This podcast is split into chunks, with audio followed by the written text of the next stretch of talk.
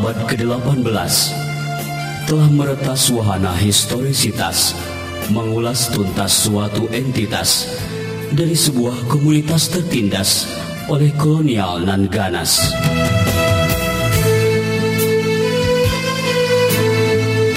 Lahirlah pribadi yang dinanti dari sebuah desa Tegal Sari. Tersebut Kiai Ageng Hasan Besari, sosok karismatik serta piawai, memimpin Pondok Tegal Sari tersohor sampai pelosok Pertiwi.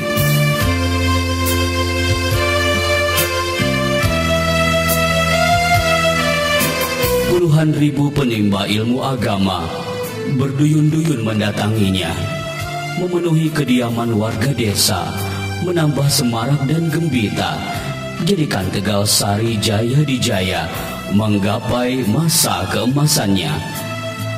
Tercatat alumninya menjadi sosok ternama. RN Ranggo Warsito, Pujangga Besar Jawa. Paku Buwono II, penguasa Kerajaan Kertasura. HS Cokroaminoto, nasionalis terkemuka, dan ribuan tokoh-tokoh lainnya yang bertebaran di persada Nusantara. Seiring waktu yang terus merambat, Kiai Ageng Hasan Besari pun wafat.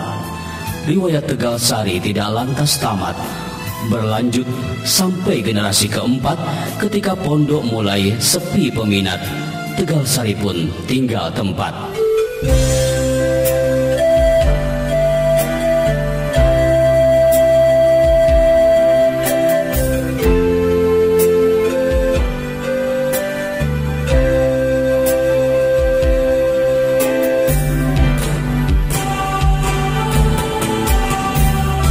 Seperti reinkarnasi Tegal Sari, Gontor Lama pun berdiri.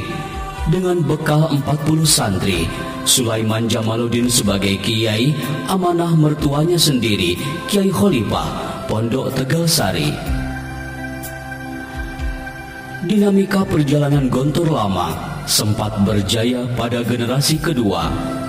Namun, pada masa generasi ketiga, Gontor Lama hilang pamornya perhatian pada kadar pun alpa dan akhirnya benar-benar sirna. Merekonstruksi kembali gontor yang telah mati merupakan obsesi Nyai Santoso Anom, istri dari Kiai Santoso Anom yang telah dahulu pergi, sebagai realisasi dari harapan yang terpuji anjurkan anak-anak pilihannya membekali diri dengan pengalaman dan keilmuan yang tinggi. Ahmad Sahal, Zainuddin Fannani, Imam Zerkasi, kelak kemudian hari mereka disebut sebagai Trimurti. Tepat pada Maulud Nabi Sallallahu Alaihi Wasallam 20 September 1926 yang silam, pembukaan Gontor dideklarasikan dengan bekal keuletan, kesabaran, kesungguhan, serta keikhlasan proses pendidikan dijalankan.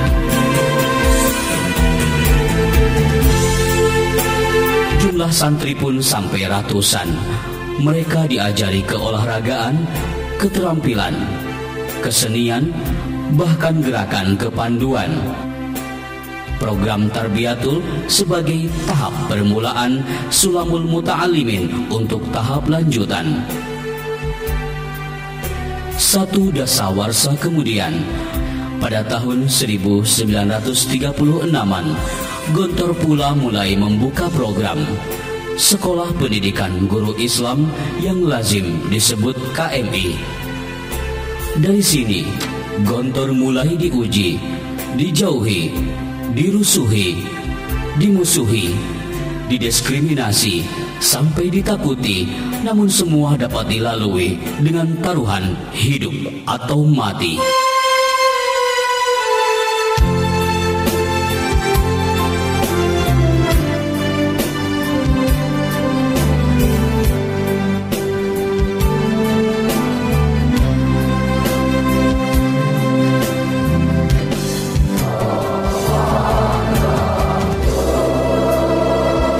Mengusung panji-panji islami, Gontor terus meniti jalan menapak bumi menggapai dunia lillahi robbi.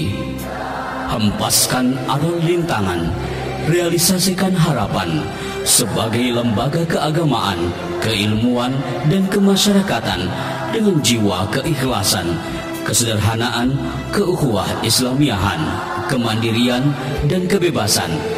Semua dibuktikan dengan menelurkan para alumni yang berperan di berbagai lini kehidupan. Berdiri untuk semua golongan yang berbudi tinggi, berbadan sehat, berpengetahuan luas, berpikiran bebas, aplikasi dari kurikulum yang integratif, selektif, inovatif dan komprehensif dari ranah psikomotorik, afektif hingga ranah kognitif. Gontor pada generasi kedua gapai berbagai prestasi prima berperan maksimal di kancah lokal, nasional, dan bahkan internasional. Selain menerima banyak pengakuan, juga kembangkan derap pembangunan, meretas cakrawala pendidikan. Guntur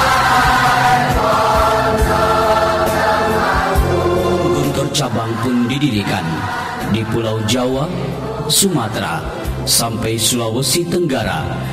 Dari Gontor menyapa Indonesia, bahkan dunia, membina kader umat untuk kejayaan bangsa merengkuh kuantitas tanpa mengurangi kualitas, responsibilitas, tapi tetap mengedepankan akuntabilitas dengan nafas-nafas ikhlas dan juga totalitas.